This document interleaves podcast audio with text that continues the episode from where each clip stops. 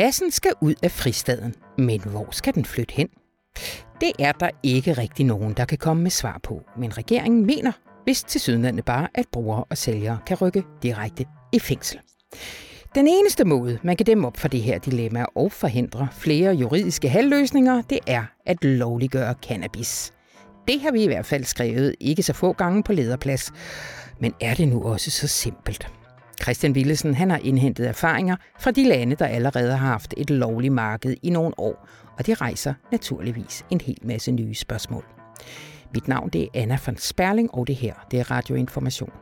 Og mig og Radioinformation, vi siger altså ikke, hvad vi skal gøre, men vi siger, vi skal gøre det på baggrund af viden og ikke fornemmelser. Og det samme kan man måske også sige om det andet emne, vi skal om i dag, nemlig spørgsmålet om, hvorvidt man kan lovliggøre sig ud af, at folk kan finde på at brænde koraner af. Og ikke mindst, hvilken pris vi som samfund vil betale for det. For at lægge en lille brik i den gigantiske diskussion, så har vores filmredaktør Christian Mongård genbesøgt Jens Jørgen Thorsens Jesusfilm. Helt konkret, han har siddet og set den, og den er ringe, men ikke mindst har han læst op på kampen om at få lov til at lave den, og den varede jo altså nærmest 30 år. Øh, han kommer her ind lige om lidt. Og så kommer Rune Lykkeberg også forbi til en optur over, hold nu fast, Lars Lykke Rasmussen. Den er god nok. Hjertelig velkommen til.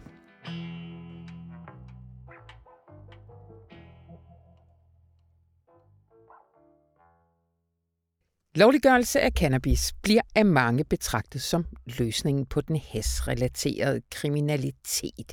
Men hænger det nu også sammen, spørger i hvert fald lige for tiden en hel masse politikere, der helst ikke vil svare på det spørgsmål. Øh, og hej med dig, Christian Wilson. Hej. Jeg så øh, forleden dag i Deadline, jeg kan fandme nu ikke engang huske, hvem det var, men det der med hele tiden at blokere for snakken om, om lovliggørelse var en mulighed ved at sige, det skal først undersøges, hvad erfaringerne er.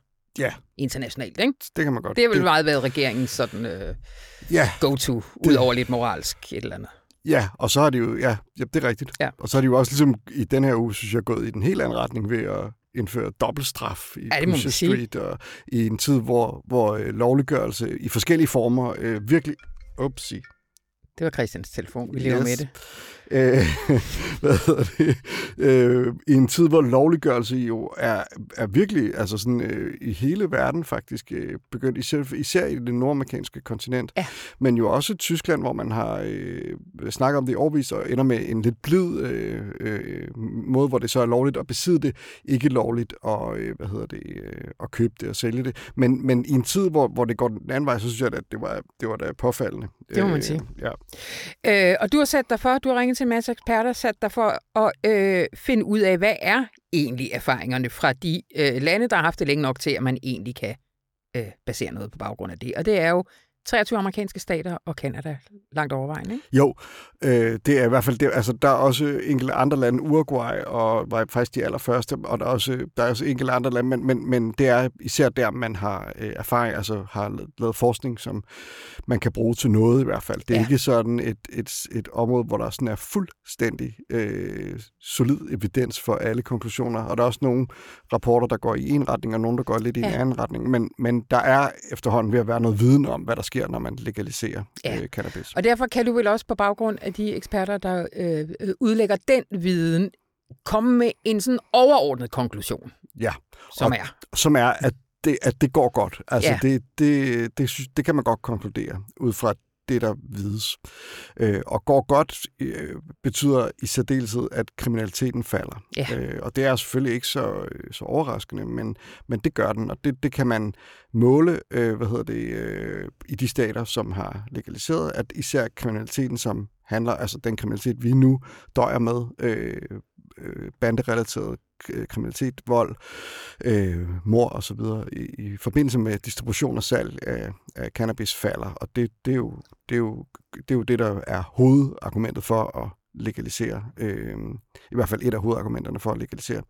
Så det er jo positivt. Ja. Øh, men der, det er ikke sådan entydigt positivt. Nej, fordi det er heller ikke sådan, at, at den hasrelaterede kriminalitet, for eksempel i Kalifornien, som er vel en af de stater, der har haft det længst, Den er ikke forsvundet. Nej, og, og det sorte marked er heller ikke forsvundet i nogle af de stater, hvor Nej. man øh, i hvert fald ikke være ved af. Det, ikke, det, ikke de rapporter, jeg har læst. Det er ikke forsvundet nogen steder.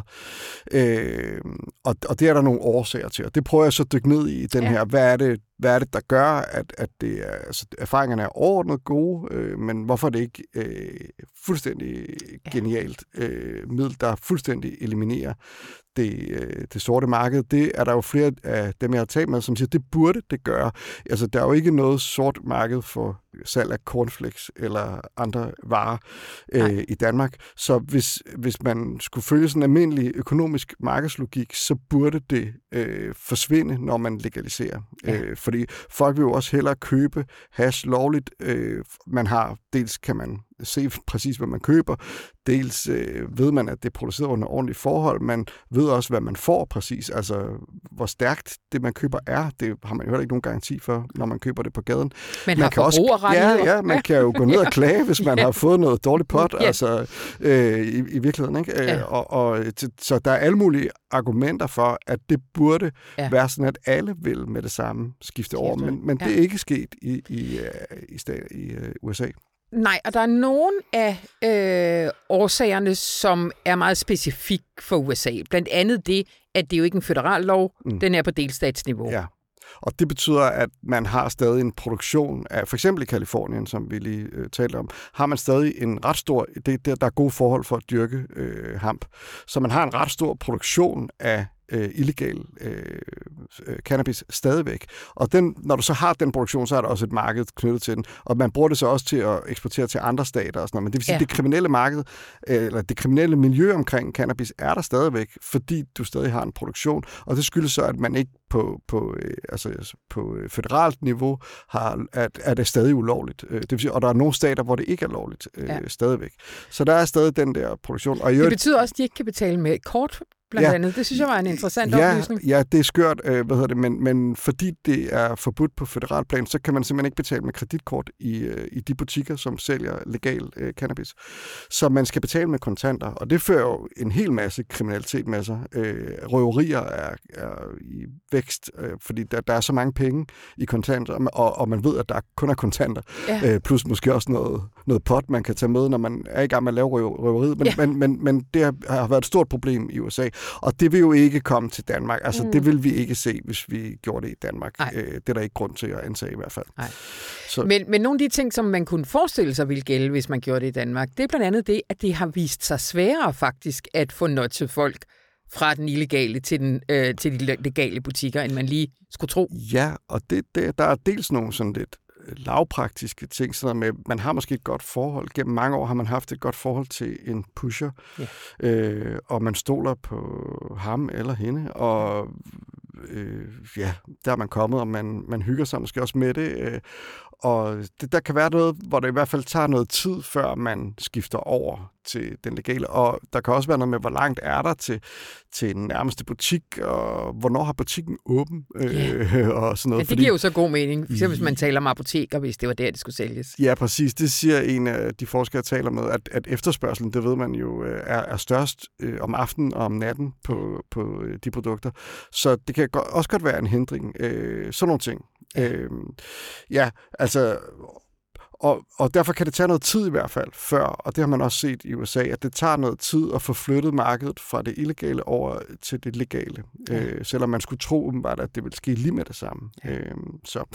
Men jeg, altså, der, der, der kan man jo spekulere i alt muligt, og, og der har jeg også bare en eller anden tiltro til, at danskerne er lidt mere øh, lovlydige, hvis det skulle blive. Det tror jeg faktisk, ja. at det vil være, men det, det er jo bare en øh, mavefornemmelse. Ja. Det er ikke noget, jeg kan. Men, men jeg tror faktisk også, at det vil, det vil måske nok gå lidt hurtigere. Lidt hurtigt, ja. Men øhm, så er der jo ja. altså den alt overvejende øh, grund til, at det er gået lidt træt i USA med at flytte fra det, øh, fra det illegale til det legale marked, det er, at det mange steder er ret dyrt at købe det legalt. Ja. Øh, og det er øh, alle de forskere, jeg har talt med, enige om, at det bliver også et issue i Danmark. Fordi hvordan øh, skal man øh, beskatte det? Hvilken, hvilken, hvilken grad af afgift skal man lægge på ja. øh, cannabis? Og det det bliver, det bliver en svær, det er der, den svære er. Det bliver rigtig svært. Ja, for Også... det er klart, at hvis du nogle steder i Kalifornien, det var Annas telefon, vil jeg bare lige sige. jeg slukkede min før. I, i Kalifornien, hvor, hvor, øh, hvor, hvor, hvor, som vi lige har talt om, altså, øh, jeg tabte simpelthen tråden på grund af din telefon. det er afgiftspålæggelse i Kalifornien. Ja, der, jo, ja, der, der er, øh, hvad hedder det, er det ikke, øh, der, der er der, øh, Politico har lavet en reportage derfra, hvor det er øh, om, omtrent dobbelt så dyrt at købe det, eller endda nogle gange lidt mere end dobbelt så dyrt at købe det, et sammenlignende produkt i den lovlige butik, som at købe det på gaden. Og det øh, er jo et incitament, som vi øh, ved betyder meget, når man skal ja, det må man sige. købe. Og ja. det er klart, at hvis vi ender et lignende sted i Danmark, at, at et øh, gram koster simpelthen dobbelt så meget i, i en lovlig butik, så, øh, så vil der i hvert fald være nogen, øh, som vil holde fast i et illegalt marked. Det, ja. det, det, det er jo rimelig logisk. Og det der jo er yderligere interessant, synes jeg, i din artikel ved det, det er jo, når man ser det i en dansk sammenhæng, så er det jo svært ikke at forestille sig, at man ikke også, hvis vi fik etableret et lovligt marked, ville begynde at prøve via afgifter og notche folk væk fra det. Altså ja. ligesom man gør med cigaretter diskutere at gøre med alkohol. Alle de der ting, sodavand, alt det der. Ikke? Hvis man ligesom skulle sige, så, og samtidig kan hashandlerne, de kan sænke deres pris. Ja, præcis. Og det, det er jo det, der, hvad hedder det, altså, det vil jo også være virkelig kontroversielt, hvis den danske stat sagde, at der er en virkelig, vi laver en meget, meget lav afgift her, ja. øh, og sælger det ekstremt billigt, fordi så vil man jo omvendt have et, et, et altså så vil man jo øh, gøre det attraktivt at købe det, øh, og måske få folk ind, i, i et misbrug, som øh, ellers ikke ville være kommet der. Altså, det, er jo, det er jo sådan noget, vi forsøger netop med cigaretter at gøre det så dyrt som overhovedet muligt. Ja. Så meget, altså, vi, vi skubber den helt op til, hvad den kan bære, øh, hvad hedder det, for at netop at sikre, at, at unge mennesker ikke begynder at ryge cigaretter. Det det. Og det vil jo være virkelig kontroversielt, hvis, hvis, hvis staten begyndte at, øh, at sælge meget billig øh, hash, simpelthen. Og det, der er også det, der, som du siger, så kan, altså, det, det, der er et ret stort profit lige nu på det illegale marked. Ja. De vil godt kunne sænke prisen. Ja. Så, hvis der, så hvis staten kommer ind og siger, vi sælger øh, til en god pris, så kan de sænke den lidt, og så er man lige pludselig ude i, at staten begynder at presse, ja, ja. presse prisen ned på, ja.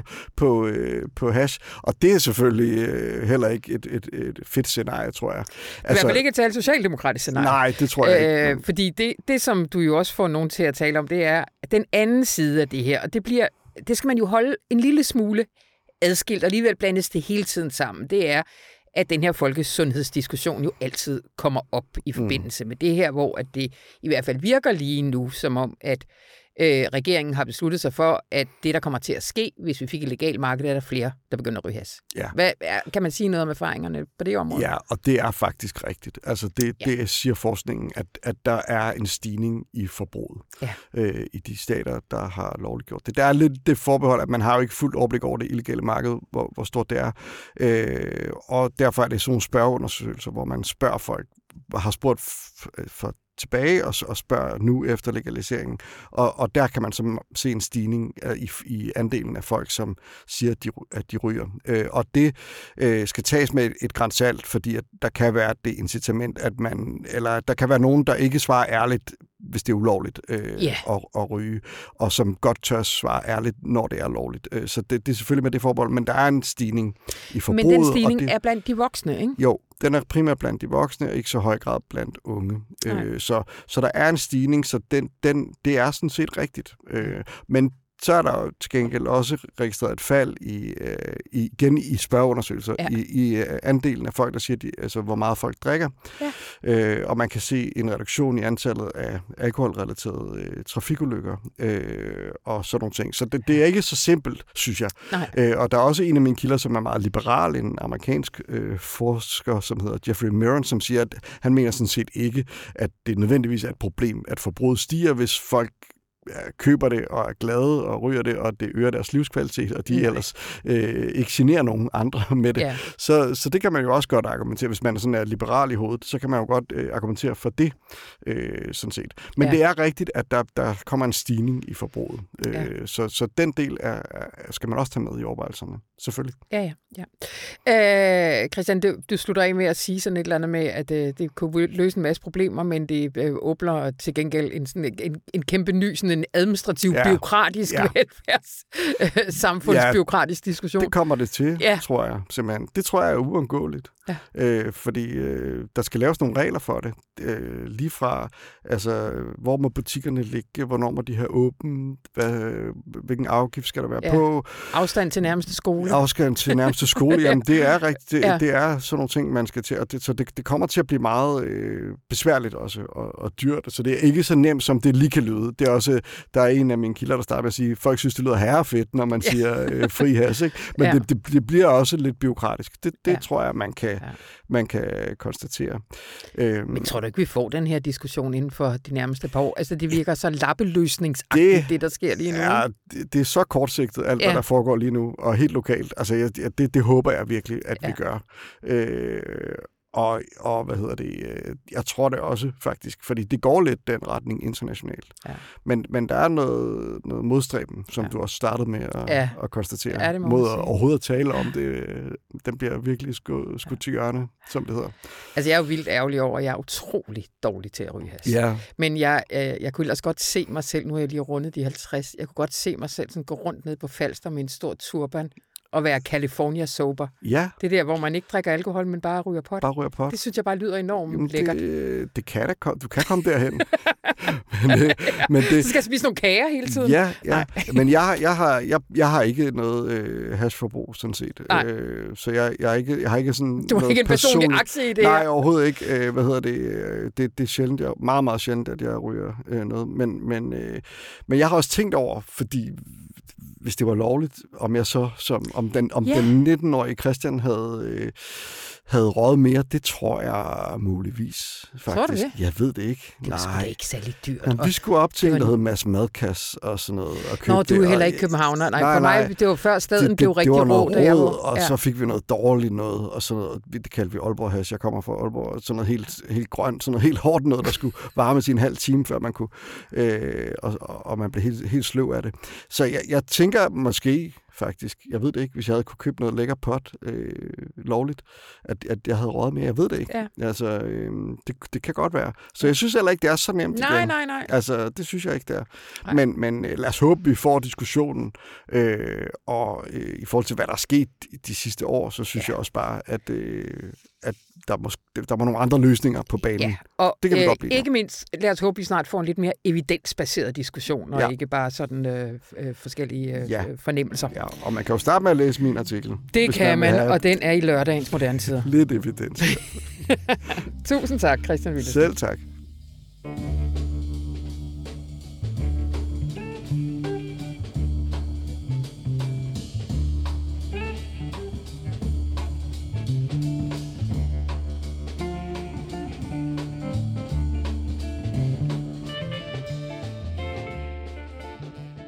Hej Rune. Hej Anna.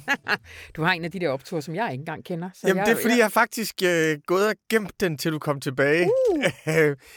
har du tænkt på, at der ligesom er en mørk, mørk, mørk skygge, der er forsvundet over landet? Hmm. Kan du give mig en tids, hvornår skete det? Det sker, det sker, jeg kan sige det meget præcis, det sker den 20. november 2001. og så var det utrolig, Nå, der... Der, så var det utrolig lang tid frem. Øh, og det er bare sådan en, en, en skygge, der lige så langsomt breder sig og breder sig og breder sig og bliver til hele himlen. Og så tænker man, at sådan er det i dansk politik. I dansk politik, det er der, vi er. Og den forsvandt hvornår? Den er forsvundet i løbet af i år. Ej, nu sidder der sikkert nogle lyttere. Altså, de er en stor idiot, der sidder folk og råber derude. Ja. Nej, jeg ved det ikke. Nej, prøv at høre. Siden 2001, 20. november 2001, så har Anders Fogh Rasmussens sejr dengang ligesom været koordinaterne for dansk politik. Ja. Det har været sådan, at du skulle aldrig give dig på udlændinge. Hvis du gav dig på udlændinge, ja. så var du slap, og så, og så måtte du tabe. Du skulle aldrig nogensinde sætte pragmatik over bestemte former for principper. Højrefløjen havde vetoret på alt, hvad der ligesom var af nævneværdig lovgivning. En hver finanslov skulle sendes ud forbi Dansk Folkeparti. Og selv når Anders Fogh Rasmussens parti ikke var ved magten, mm. så var det stadigvæk på samme måde, at Dansk Folkeparti havde fuldstændig vetoret.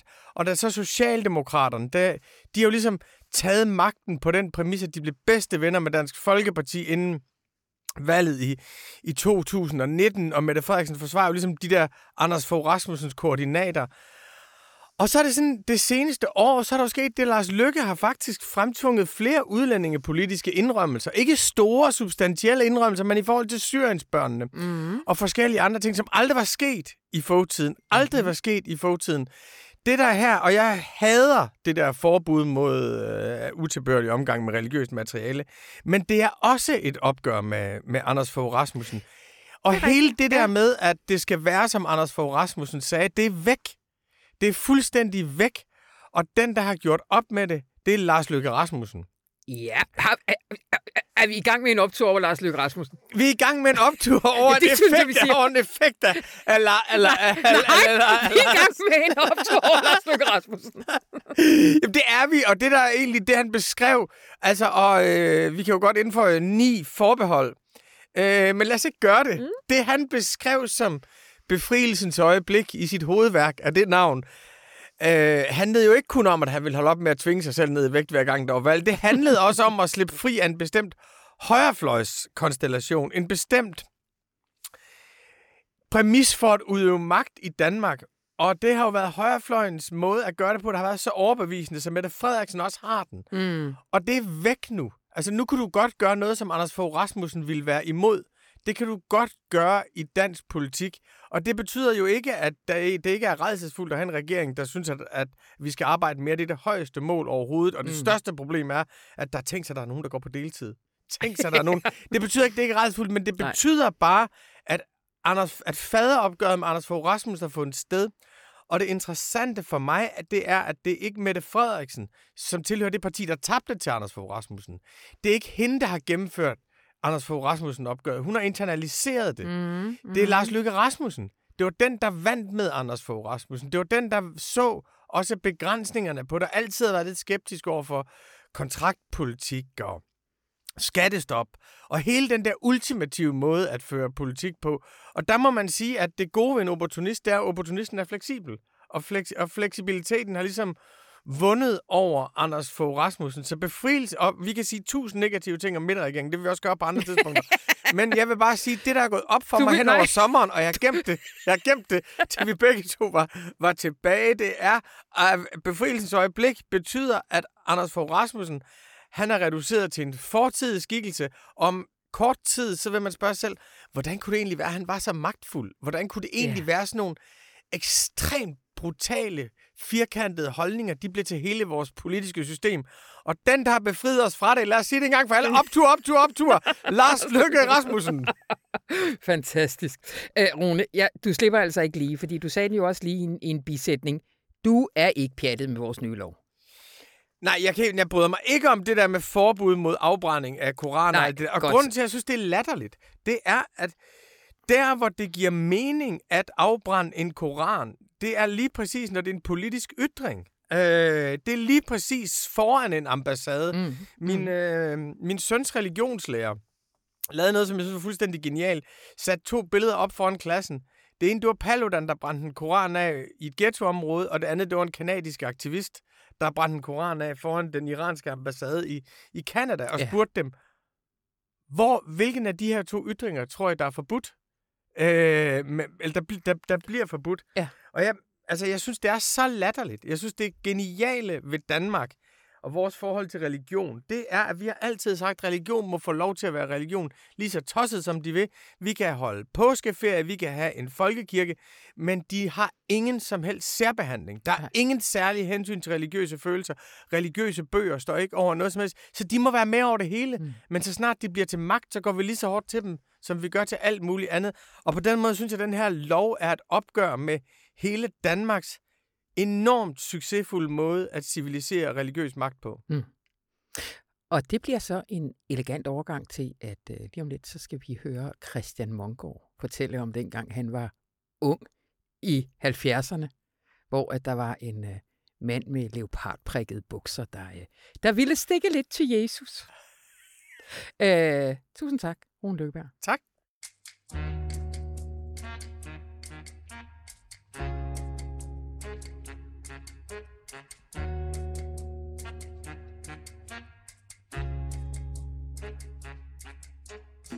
I 1992 var der premiere på kunstner Jens Jørgen Thorsens film Jesus vender tilbage. Og den havde ved Gud, pun intended, været længe på vej. Faktisk begyndte den trinedanske kunstner med den berømte hæse stemme at tale om filmen allerede i 1970. Men han skulle lige igennem et internationalt ramaskrig og en række juridiske togtrækkerier. Velkommen til dig, Christian Mongård. Tak for det, Anna von Berling. Du har øh, selv øh, sat dig i den situation, at du skulle igennem et øh, magtværk af en film for at skrive den her artikel, øh, som øh, man kan læse i hvad fredagens avis. Ja. ja. Øh, og vi vender tilbage til øh, filmen, men tag os lige tilbage til 70'erne, og husk lige, der sidder eventuelt nogen ude og lytter til det her, der ikke var der selv. Så start lige, hvem, øh, hvem var Jens Jørgen Thorsen? Jamen, Jens Jørgen Thorsen var jo sådan en øh, øh, provokunstner og en del af sådan den al- alternative kunstscene i Danmark der i øh, slutningen af 60'erne, starten af 70'erne, måske endda endnu tidligere. Han var faktisk også en, en ret forholdsvis anerkendt kunstkritiker allerede mm. inden han begyndte at skrive for Ekstrabladet. Jeg tror, vi skal helt tilbage til 50'erne, hvor han begyndte at skrive i Ekstrabladet og forskellige andre steder, og var simpelthen kunstkritiker, og han blev sidenhen også ret berømt øh, i Danmark, fordi han optrådte i de her kunstkvisser, med, hvor Per Arnoldi var vært. Ja. Og der optrådte han som, øh, altså var med i kunstkvisten Jens Jørgen Thorsen, og viste sig jo at, at vide simpelthen så meget om kunst. Altså han var jo en af de bedste deltagere der. Han nærmest jordede dem alle sammen med sin enorme viden. Men går vi tilbage til, til 1970, så var han jo sådan en provokunstner øh, øh, og, og filminstruktør. Han havde filmatiseret i 1970 øh, den amerikanske erotiske forfatter Henry Millers øh, Stille dage i Cliché. Ja. Øh, ikke nogen særlig god film, men, men, men med godt med sex i. Ikke? Og, og det var sådan, det var også det, han, han ville jo gerne provokere, han ville også gerne acceptere sådan på det kunstneriske parnas, så det blev han aldrig rigtig. Han, en af hans gode venner var øh, Jørgen Nash, altså Asger Jorns bror, som jo øh, er berygtet for at have kappet hovedet af den lille havfru blandt andet. Ikke? Ja. Øhm, og det var ligesom den kreds, han var en del af, og så alligevel var han sådan også jeg tror, han måske altid var sådan lidt en, en, en, en udstødt figur. Ikke? Og så blev han jo han, han blev også sådan visuelt ret sjov at se på. Altså, han var sådan den her lille trænde mand med fuldskæg, og så gik han altid leopardbukser, og, og, eller sådan leopardplettede bukser, ikke? Og, ja. og havde kulørte kasketter på, og vindjakker og sådan noget. Ja. Altså, han var virkelig underholdende. Ikke? Ja. Øhm, og, og, og hvis vi så går tilbage til 1970, altså da han så ligesom, der har været premiere på Stille Dage i Clichy, så annoncerer han også, øh, Jens Jørgen Thorsten, at han gerne vil lave en Jesus-film. Ja. Og, øh, og den skal handle om Jesus, Jesus på godt og ondt, kan man sige. Den skal handle om Jesus som menneske. Det vil sige også den kødelige del af Jesus. Altså, der skal være en hel del sex i den her film. Og han er jo, var jo enormt god til at promovere sig selv og optræde i medierne, så han går jo ud ligesom og taler vidt og bredt om det her, faktisk, som man også kalder et blasfemisk projekt, han er i gang med. Altså han mener ligesom, at, at det er en forløjet udgave af Jesus, vi ser i det nye testamente, og det vil han gerne gøre op med med den her film. Ja. Øhm, og det allerede inden filmen jo overhovedet er blevet til noget, der, der er der jo ramaskrig i, i visse kredse, både i Danmark, men bestemt også i udlandet. Altså, øh, øh, da det kommer frem, hvad det ligesom er, han gerne vil, og den begynder sådan også at få støtte af det danske, det, det danske Filminstitut kommer til i 1973, der bliver det simpelthen etableret, og Gert Fredholm, der er en af de første filmkonsulenter, han giver simpelthen 600.000 kroner i produktionsgaranti til Jens Jørgen Thorsens Jesusfilm, og så skal der ellers lige love for, at, øh, at der bliver ballade. Ja. Hvordan, hvordan ender det med at blive en international øh, skandale? Jamen, det, det er egentlig et meget godt spørgsmål, men det handler jo om, at Jens Jørgen Thorsen er så åbenmundet, som han ja. er. Altså, det er jo ikke, fordi han bare går laver sin film, altså får sine støttekroner og laver sin film i stillhed, og så med et brag lærer den få premiere eller sådan noget. Han går rundt og kæfter op i, i, i både den ene og det andet medie, og også i de elektroniske medier, og pludselig når sagen simpelthen uden for, for landets grænser, og der begynder at blive protester rundt omkring i verden. Altså, det er ligesom som jeg også skriver i artiklen, Mohammed-krisen, før Mohammed-krisen, ja. bare det den, især den katolske kirke, der flipper fuldstændig ud, men, men altså også sådan kristne organisationer og kirker i det hele taget. Altså paven, paven lyser filmen i band og siger, hvad fanden er det for noget svineri, det her? Ja. Øh, jeg ved ikke, om han bandede, lyser da filmen, han sagde før der overhovedet er en før film. Før der overhovedet ja. er en film, men på baggrund af det, man har hørt om ja. den. Ikke? Men du skriver vel også, og det er vel også helt oplagt, at måske var det ikke så meget en film, som det var en, øh, en performance performance, der ligesom handler om det hele, som var hans intention? Jeg tror, han var ude på at stikke til, til, øh, til den der øh, kristendom og den her Jesus-opfattelse og, og, og hele det, som han kaldte det forløjet billede af, af religion og, og, og især etableret religion, som også ender med at være, være et af de ting, han, han angriber i den færdige film der i 1992. Ja. Men altså, han var ude på, at han skrev en, øh, en, en kommentar i Information faktisk i 1973, som jeg også citerer i artiklen, men hvor han ligesom siger, at øh, at, at, at jeg ikke engang huske, hvad det er, den hedder. Det er sådan noget løgne Jesus og religiøst fup, eller sådan et eller andet. Den hedder sådan et eller andet, den der øh, øh, øh, kommentar, han skriver. Men der går han ligesom i rette netop med det nye testamente og dets øh, portræt af, af, af Jesus. Og, og, og jeg tror, han, altså, det var sådan et opgør med, med, med kristendommen og med, også med øh, tanken om, hvad blasfemi var, og, og tanken om, om også om altså sådan noget, hvad, hvad er religiøs frihed, hvad er censur, hvad kan man tillade sig at gøre med kunst, øh, hvad er kunstens rolle, hvad er øh, religionens rolle og sådan noget. Altså, ja, altså, jeg tror faktisk, der var mange ting, han var ude på ja, at gøre op med. For han citerer jo også i, i den kronik, skriver du, øh, Bukunin, som var city, jeg kan aldrig sige det, situationisterne. Situationisterne. sådan øh, store teoretiske hoved, og citerer ham for at sige, blasfemien er den eneste vej til den sande religion, tankens, hjertets og handlingernes og frihedens. Så Præcis. altså, han har jo også en teoretisk, øh, et teoretisk udgangspunkt for, for hele det her projekt. Og det man så kan sige, det er at Jens Jørgen Thorsen god kunst. Det vil jeg ikke gøre mig til dommer over. Han lavede elendige film, kan jeg sige. Det er dog ja. trods alt noget af det, jeg ved noget om. Men så i virkeligheden, så tror jeg, som jeg også skriver i artiklen, at var han måske var han i virkeligheden sit eget største kunstværk på en eller anden måde. Altså det var ham selv, der var kunstværket og alt det, han foretog sig. Og jeg tror bare, han var jo også sådan, jeg havde sådan, jeg har sådan en idé om, at han var altså sådan fuld af energi, at han var sådan et, øh, øh, et energibund, der bare drønede i alle mulige forskellige retninger, hvor han ligesom så sit snit til at, at give det hele lidt mere kulør, men også gøre op med noget af al den der censur og, og den snærpethed og bonerthed, han også ligesom syntes, der, der fandtes i det danske samfund. Ja. Og det fik så en international overbygning med det her. Jeg tror, altså, nu har jeg ikke skrevet det i artiklen, men jeg har læst et sted, at selv dronning Elisabeth, den britiske dronning, sagde altså simpelthen offentligt noget om den her film og, og om Danmark som land. Altså, hvordan kan et land som Danmark tillade, at det her det overhovedet bliver lavet? Hvad er det for noget svineri? Ja. Øh, han får de her penge i første omgang. Men de bliver trukket tilbage igen?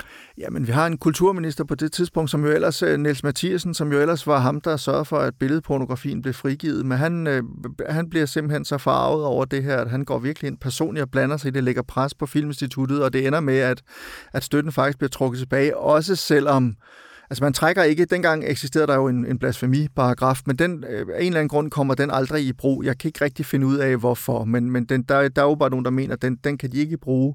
I stedet for så forsøger Niels Mathiasen at, at få kammeradvokaten til at vurdere den her sag og erklære, at den forbryder sig mod evangelisternes ophavsret. Hvilket ja. er vildt sjovt. Ja. Altså et eller andet sted. Der, der er nogen, der har ret til at definere Jesus, øh, og det har de gjort. Og det, og det har de gjort ja. i, i, i det gamle og det nye testamente, og, og, og, og, og, og det må man ikke øh, forbryde sig mod. Man må ikke, der er der simpelthen ophavsret. Og der går kammeradvokaten ind og siger, at det, det er der ikke, fordi for det første er det her jo også en omskrevet version af, af evangelisternes historie. Det har ikke noget med de gamle evangelier eller det nye testamente Nej. at gøre som sådan. De bruger Jesus som figur, men ellers så gør det noget andet. Og det, øh, øh, men det er vel den historiske Jesus, er det ikke? Eller det jo, jo, det er det, ja. men, men, men, men, øh, men det er han optræder bare i nogle sammenhæng, som han ellers ikke ville optræde ja. i. Altså, det skal ligesom, ja. det er lidt ligesom, øh, øh, altså i, i midten af 80'erne kom Martin Scorsese med den film, der hedder Last Temptation of Christ med Willem Dafoe i, øh, i hovedrollen. Og den handler jo også om Jesus som et ganske almindeligt menneske med drifter og begær og alt muligt andet, og som har en affære med, øh, hvad hedder hun? Øh, Maria, Maria Magdalene. Ja, Maria Magdalene, præcis. Altså, øh, og, og, og, og som i høj grad opfører sig som en menneske og fuld af tvivl og, og, og, og, og, og indimellem også ja, fejl og mangler ja. og sådan noget, ikke? ligesom alle os andre. Ja. Og, og det er jo også ikke det, mig, Christian. Ikke dig, naturligvis, Nej. Anna, undskyld. Øh, du er fejlfri på alle tænkelige jo, måder. Men, øh, men, men det var jo faktisk, hvad Jens Jørgen Thorsen han også forsøgte med den her Jesusfilm, kan man ja. sige. Så det er selvfølgelig den historiske Jesus, men det er også en total omskrivning af evangelierne, så derfor var der ikke øh, øh blev evangelisternes øh, hvad hedder det, ophavsret ikke krænket, mente kammeradvokaten. Nej. Det synes Niels Mathiasen skulle være noget fis, og derfor så tog han pengene fra øh, Jens Søren Thorsen alligevel. Ja, det kunne han vel ikke direkte, men du skriver, at de blev simpelthen bange for, at de ikke kom på finansloven, hvis de... Han troede, efter sine, altså Erik Thyssen, øh, forfatter og journalist, som jo skrev for avisen her i mange år, han øh, sad i Filminstituttets bestyrelse dengang, og der blev simpelthen lagt pres på dem. De havde, der var flertal i bestyrelsen for at give Thorsen pengene, øh, og øh, der blev de og efter de havde gjort det, så trak, var der faktisk tre af medlemmerne, dem der havde været for, tre af fem medlemmer, dem der havde været for at give Thorsen pengene, de, de forlod simpelthen øh, bestyrelsen, øh, fordi de ville ikke blandes ind i hele det der politiske efterspil. Men Niels Mathiasen gik så ind og lagde pres på instituttet simpelthen og sagde, jamen altså, truede det med, øh, fortalte Erik Thyssen dengang, truede det med, at, at det, han ville tage støtten, fjerne støtten til, øh, til Filminstituttet, hvis ikke de gjorde, som han sagde. Hmm. Øh, og det gør de, men de gør det ikke, fordi de siger, Jesus må ikke bolle. De gør det, fordi at øh, de siger, at han har ikke opfyldt altså de formelle produktionskrav. Ikke? Jamen, det, det var til at starte med, faktisk. Okay. Det var første gang, han fik støtte. Det, er nu, vi, det var i 73. I 75, det her, den, her, den her sag, den kulminerer i 75 med, at han så mister pengene ja. øh, igen, fordi Niels Mathiasen blander sig. Og der er det så øh, på grund af det med ophavsretten åbenbart, ja. som, som Niels Mathiasen han giver som grund. Øhm, men det betyder så også, at tre år senere i 78, der siger ombudsmanden så, jamen prøv at høre, du er blevet uretfærdigt behandlet, øh, Jens Jørgen Thorsen, eller rettere sagt, vi skal have prøvet det her ved en, en retslig instans, og han giver ham fri proces til en retssag, der var de næste 10 år. Først bliver afsluttet i 1989 med, at Jens Jørgen Thorsen faktisk får medhold, ja. for at vide, at han skulle have haft den støtte. Han får den ikke nu, men han skulle have haft det dengang. Ja. Til gengæld blev Niels Mathiasen frikendt for, som på det tidspunkt så var død, men, men han blev øh, frikendt for at have blandet sig utilbørligt i øh, Filminstituttets arbejde, hvilket er lidt mærkeligt. Men ja. det blev han altså. Ja. Måske var det, fordi det var posthum, og man ville ikke svært hans rygte til på den måde. Ja. Men, men nu kan det godt lyde, som om der bare er en eller anden uh, tosset kulturminister, men, men altså, altså, det er ret vildt. Altså, Kristelig Folkeparti havde modtaget 112.000 protester mod Jesus-filmen. Altså, så det var virkelig noget, der satte sindene i gå i Danmark. Jeg tror både i Danmark og i udlandet. Jeg ja. tror, mange af de protester også kom fra udlandet. Ah, ja. jeg, jeg, jeg tror ikke kun, de kom fra Danmark, men, men der var 5.000 mennesker, der, der demonstrerede i, der, i Københavns gader imod filmen og sådan noget. Altså, der, der var virkelig ballade, og, og det, jeg tror så også, at, at altså, Kristelig Folkeparti har da sikkert set sit snit til at piske det her op til noget, det ikke nødvendigvis var. Altså, det er jo en god sag at have, at man lige pludselig kan gå ud og kæmpe for de kristne, de rigtige kristne værdier, kan man sige. Ja. Hvilket jo i virkeligheden var det, Thorsen også ville gøre op med. Så selvom det sikkert har været udmavende for ham, alt det her med retssagen og gå og vente på for en lov til at lave filmen eller ej, så tror jeg da også, at han på en eller anden måde har i gåsøjne nyt det fordi det er jo bevist, at han jo et eller andet sted havde ret ja. i sin kritik, ja. kan man sige. Ikke? Ja. Øhm, han får lavet, nu var du fremme til 89, hvor at, øh, øh, han får lov til at lave sin film, eller hvad det hedder, og den øh, kommer så i 92. Hvad, hvad, er, øh, øh, hvad er reaktionerne så, da den, da den kommer? Altså, kan man se de biograferne? Det kan man. Den det kommer man, op ja. i biograferne. Han har den med, han har, han har den nede at vise på markedet på Cannes Filmfestivalen. Og, øh, men den bliver den ender med at koste 13 millioner kroner at lave, og deraf får han 3,5 millioner fra det Danske Filminstitut, okay. fordi de har indført sådan en ny kommersiel ordning, der hedder 50-50-ordningen, og der er det, hvis man kommer med en del af budgettet selv, ja. kan bevise, at man kan skrabe de penge sammen, så får man per automatik et beløb for Filminstituttet. Og okay. det er så det, han får. Han har ligesom skrabet en masse penge sammen og ender med at have 13 millioner til at lave filmen for, og den bliver set af 7.500 mennesker. så det vil sige, at den tjener overhovedet ingen penge. Og Ej. den får også vanvittigt dårlige anmeldelser. Både her i avisen, jeg citerer også en anmeldelse fra Berlingske Tiden af Michael Bledel, som jeg selv personligt synes er ret sjov, men hvor han sammenligner den med en blanding af Reiner Grassens farser og øh, et amatørteater, der har hørt om Monty Python. Altså, de har ikke, bare, de har ikke set Monty Python, de har kun hørt om Monty Python. Og jeg må sige, jeg må give ham ret. Altså, det er en dilettantisk omgang. Okay. Den er frygtelig spillet og skrevet og iscenesat og Altså, den, den, den er så parodisk, at den på en gang, som jeg skriver, er trættende at se, og på den anden side også er ret underholdende, fordi den bare er så langt ude, og fordi det er så mærkeligt. Og, hvad, hvad er historien? Jamen, historien er, at øh, jorden er ved at gå under i skrald. Ja, altså, vi, det, mennesker, det, vi mennesker, det er jamen, der, mere relevant med På den måde er den, ja. er den ret profetisk, ikke? Ja. Øh, så, så Gud han sender Jesus tilbage for at rette op på alt det lort, vi går og laver her på jorden. Ja.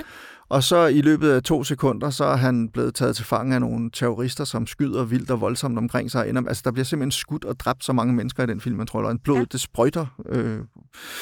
Han kommer med ombord på de kabret fly, og han dyrker sex med en kvindelig flykaber, skråstrej terrorist ude på et toilet. Meget hed sexscene. Ja øh, masser af bryster og Hvem baller. Hvem er terroristerne så? Er det islamiske terrorister? Eller? Øh, nej, jeg tror mere, det er sådan nogle Bader meinhof okay, typer. Okay, ja. Altså, øh, øh, og, og de øh, ender så også med, at alle sammen er beskudt, og Jesus øh, stikker af, og han gryger i fængsel.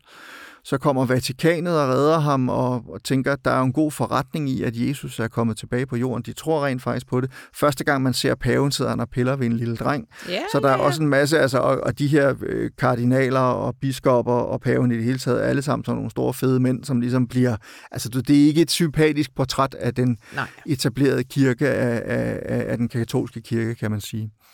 Men Jesus, han, øh, han stikker af sammen med et par bumser. Den ene af dem spillet af Benny Fede Hansen.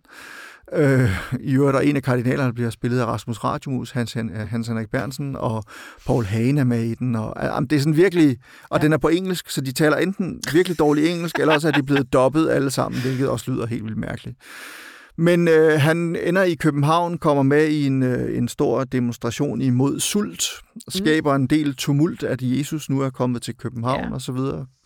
Øh, Vatikanet dukker op igen, får ham med tilbage til, til, til Rom, til Peterskirken, hvor det går helt amok i hysterisk tilbedelse af Jesus, og Jesus, der bare ser på dem alle sammen og tænker, at det her, hvad fanden er I for nogle typer? Altså, det er vold, og det er øh, kapitalisme og korruption, og det er altså alt muligt ubehageligt, så han ender med at stige til værs sammen med den kvindelige terrorist inde ah. midt i ah. Peterskirken, mens folk ligger rundt omkring og, og tilbeder ham og skriger hysterisk, inklusiv paven og to nonner, der ligger under ned med hver sit krucifiks. Ja, ja, ja, ja.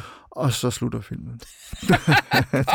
så nu behøver man ikke at se den. Hvis man vil gerne vil se den, hvor, hvor kan, kan, man bare kan man tilgå den? Finde sådan et det kan man faktisk. Jeg fandt den selv på noget, der hedder rarefilm.com, og det er staves R-A-R-E-F-I-L-M-M.com. Okay. Så rarefilm.com, der kan man simpelthen se filmen gratis, ja. øhm, og det sad jeg selv og gjorde her forleden dag, og det har jeg, kommer jeg nok aldrig til at glemme. Nej. Det, der er noget, jeg har et horn i siden på kulturredaktøren her. Ikke? Godt, godt.